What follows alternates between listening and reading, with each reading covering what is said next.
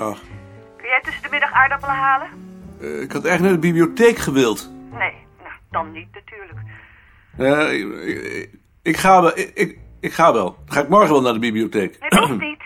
Nee, Je hoeft het niet te doen als je geen tijd hebt. nee ik ga wel. Ehm, nog iets? Ik ben ontzettend kwaad. Kwaad? Ja, op Mia. Dat ze dacht dat jij me geholpen had met die brief. Oh, dat. Ja, Je hebt het toch zeker wel goed aan vet gegeven, hè? tuurlijk. Laat dat maar aan mij Want het over. is nu pas tot me doorgedrongen wat een verschrikkelijke opmerking dat is. Het is stom. Heeft Mia eigenlijk wel ooit van het feminisme Dat gehoord? weet ik niet, maar als ze er niet van gehoord had... Woedend ben ik. Ik hoor het. Je neemt het toch wel serieus, hoop ik. Tuurlijk. Want ik zou dat niet verdragen. Het is een stomme Niet opmerking. alleen stom, het is misdadig. Misdadig, ja. Dat is nou dé manier om een ander de grond in te trappen. Maar jij laat je gelukkig niet in de grond trappen. Maar ik ben wel razend. Heb ik, maar nu moet ik weer aan mijn werk. Ik zal dus aardappelen halen. Nou, volgende keer zul je het toch wel verbieden om zoiets te zeggen, hoop ik. Dat zal ik doen, Beloof je dat? beloof ik. Ik geloof er niks van. Je zegt het veel te gemakkelijk. Eh, hoe moet ik het dan zeggen? Dat weet ik niet. Dat moet jij weten. We praten er nog wel over. Nu ga ik weer aan mijn werk. Tot straks. Dag. Tot straks. Mia dacht dat die brief in de groene van mij was. Welke brief? Die brief van Nicolien tegen de mensen die de Olympische Spelen niet willen boycotten... omdat je dan Amerika in de kaart speelt. Wij hebben de groene niet. Oh nee, jullie hebben de groene niet. Carter kan weer met tevredenheid op zijn discipel Nederland neerkijken. Wat ga jij doen, Lien? Ik, ik ga boodschappen doen. Waar? Oh. Overal. Overal en nergens. Ehm, ik ga naar de markt. Aardappels kopen. ik ben even naar de markt, meneer De Vries. Ik ben een half uur terug. Dank u wel, meneer.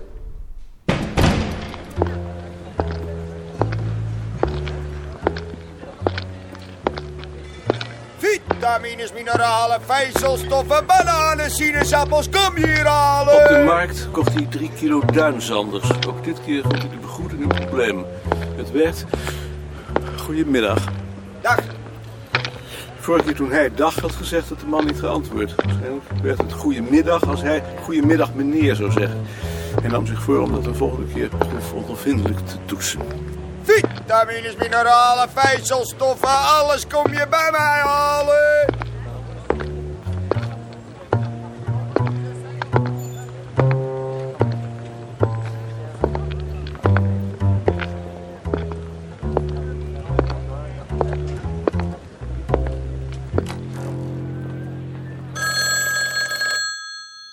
Telefoon! Met koning Met Tjalling. Challing. Ik ben vanmiddag bij Anton geweest hoor. Eindelijk. Heb je het makkelijk kunnen vinden? Heel makkelijk, zoals jij me gezegd had. Het is vlakbij het Tulpziekenhuis, dat wist ik niet. Hoe was het? Ik vond hem eigenlijk niks veranderd. Nou, Ja, hij is wel wat ouder geworden natuurlijk. Hij is ook half verlamd, maar geestelijk bedoel ik. nee, geestelijk is hij niet veranderd. En hij pakt nog wat hij krijgen kan met die ene arm van hem. Daarin is hij ook nog niks veranderd. Heeft hij jou nooit lastig gevallen? Heb je ook nog ergens over gepraat? Nou, praten kun je eigenlijk niet met hem. Ik versta er tenminste niks van. Versta jij hem wel? Meestal wel, ja. Nou, ik niet. Maar ik word toch niet de indruk dat dit daar nou in de eerste plaats behoefte aan Je heeft. kunt het hem ook laten opschrijven als je het niet begrijpt. Hij schrijft redelijk. Dat zal ik de volgende keer dan eens doen, ja. Zijn we nou niet aan toegekomen. Hoe gaat het op het bureau? Goed. Ik lees nooit iets van jullie. Doen jullie nog wel wat? U bent toch geabonneerd op het bulletin? Jawel, maar dat doe ik eigenlijk meer om jullie te steunen. Anders heb je helemaal geen abonnees meer over. Dat waarderen we dan ook zeer. Maar ik houd ook van jullie. Anders deed ik dat heus niet. Dat weet ik. Maar eh, serieus, je moet er echt eens wat mensen inhalen die schrijven kunnen. Want wat je nou hebt, dat is toch niks? Ik neem aan dat je het oog hebt op Luzak. Bijvoorbeeld. Dat is een hele goeie. Maar er zijn er wel meer natuurlijk. Ongetwijfeld. Maar daar hebben we het dan nog wel eens over. Graag. Groetjes, hè? En als je Anton mocht zien, zeg dan maar dat ik echt gauw nog eens kom. Ik zal het zeggen. Dag hoor. Dag, Tjalling. Tjalling, Dat hoor ik. Wat had hij? niets. Wat ik met die man aan moet is me echt een raadsel. Eh, test. Test, ja. Hé, hey, dag meneer Koning. Dag meneer Sparboom, U komt ook maar weer eens kijken. ik kom ook maar weer eens kijken. U kunt daar koffie krijgen. Ja, dat weet ik, maar ik heb nog geen trek in koffie. Nou, zoals u wilt. Ik zoek de deelnemerslijst. Zei u iets? Ik zie dat op de tafels al deelnemerslijsten liggen. Ja, die heb ik maar vast neergelegd. Dag meneer Weinert. Dag, meneer Koning. Ah, Flip. Ik mag er wel naast je zitten, hè? Graag zelfs. Of de oudere generatie van taalgeografen.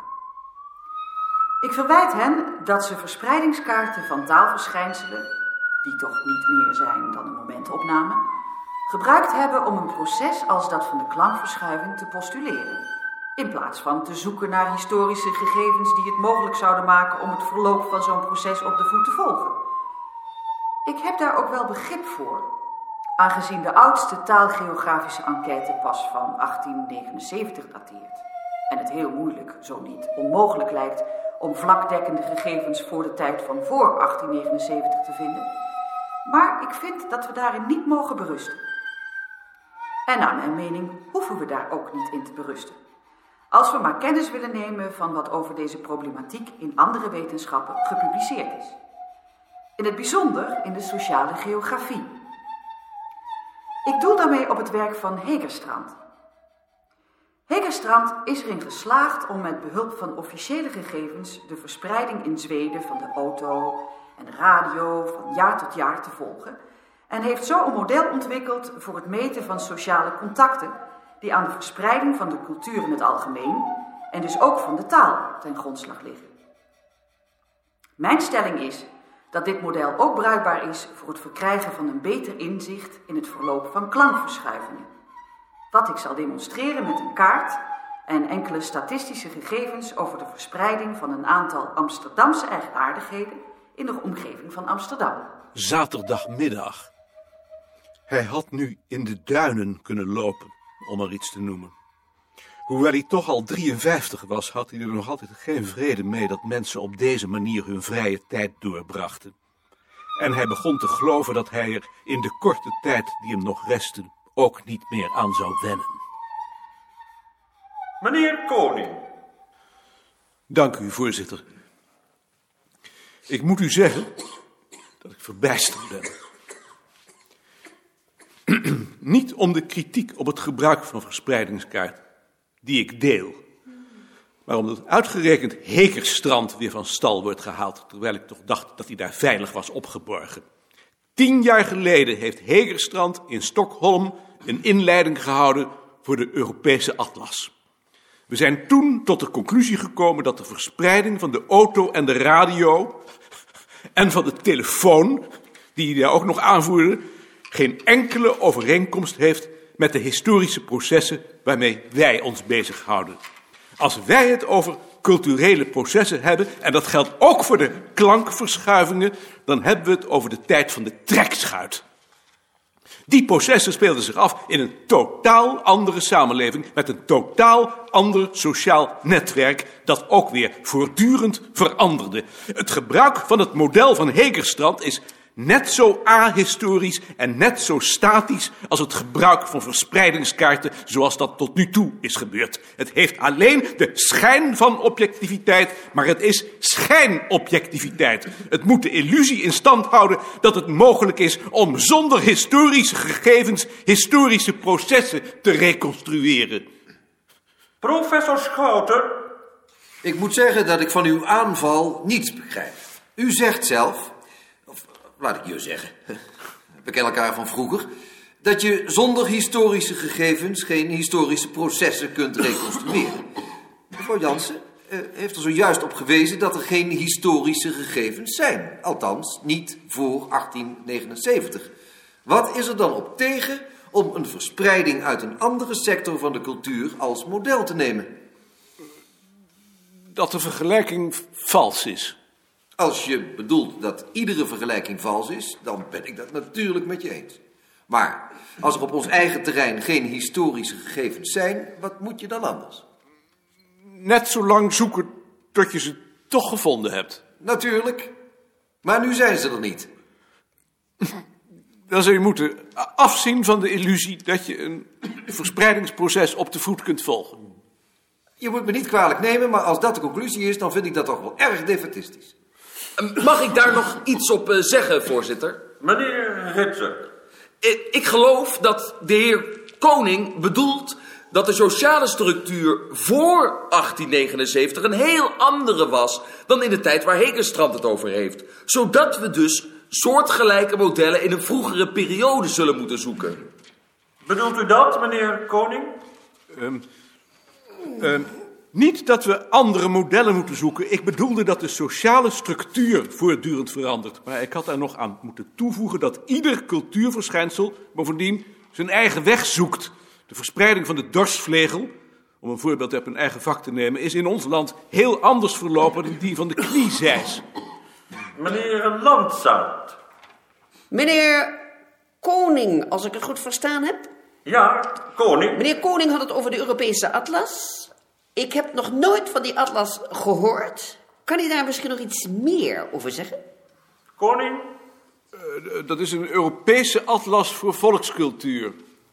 En is daar dan al wat van gepubliceerd? Eh, Nee, Omdat u mevrouw Jansen verwijt dat ze niet op de hoogte is van de belangwekkende discussies die daar gevoerd zijn. mevrouw Jansen en ik zijn verbonden aan hetzelfde instituut. Dan richt uw kritiek zich dus niet zozeer op mevrouw Jansen... als wel op de gebrekkige communicatie binnen uw instituut. En daar bent u dan toch zelf mede verantwoordelijk voor? Ja, Mag ik misschien ook nog iets zeggen, voorzitter? Maar dan bent u wel de laatste, want ik wil de discussie hiermee beëindigen. Ik wilde alleen maar zeggen dat ik de inleiding van mevrouw Jansen verschrikkelijk belangrijk vond. Omdat ze ook kennis neemt van wat er in andere wetenschappen op dit gebied gedaan wordt. Ikzelf heb er jarenlang vergeefs voor gepleit om sociologen bij ons werk te betrekken.